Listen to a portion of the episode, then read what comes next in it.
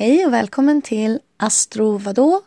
Podden för nyfikna och nybörjare inom astrologi.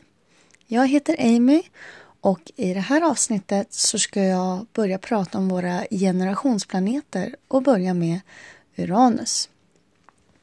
Uranus symbol ser ut som en ehm, ja, vad ska man säga, som ett kors i mitten med två parenteser längst ut och en liten cirkel på botten.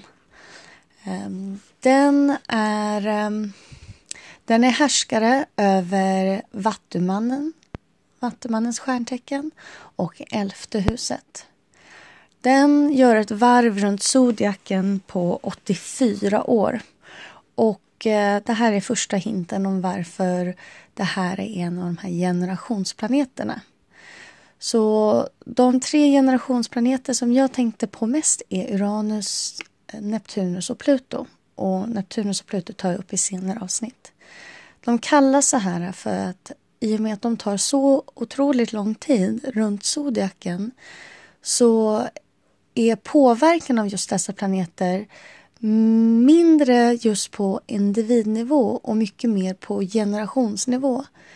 Här är det väldigt många som har samma position. Riktigt många.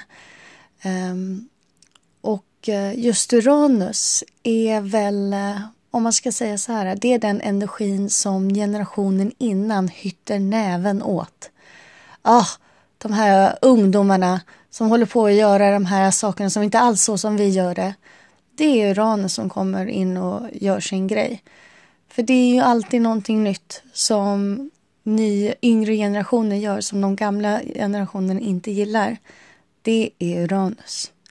Uranus står för um, individualitet. Det står för att bryta strukturer. Det står för att gå sin egen väg i grupp också.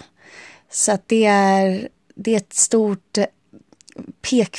Eller långfinger. Fick fel på fingrarna. Stort långfinger upp mot um, någon tanke på att saker ska vara på ett visst sätt. Så där kommer gruppmentalitet i. Det kommer också, vilket är väldigt um, hand i hand med just Vattumannen och Elfte huset som det också är kopplat med. Um, Uranus, där den står i våran våra birth chart visar på där vi har ett behov av att gå vår egna väg. Där vi har ett behov av att vara lite weird och lite udda och lite excentriska.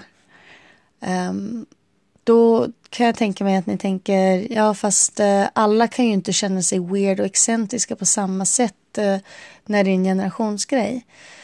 Ja och nej.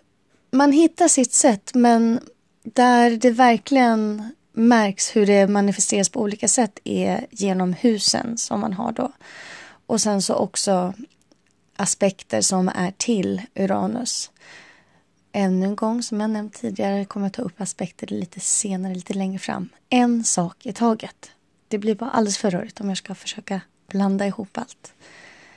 Men ehm, Uranus är eh, kopplat ihop med din inre revolutionär.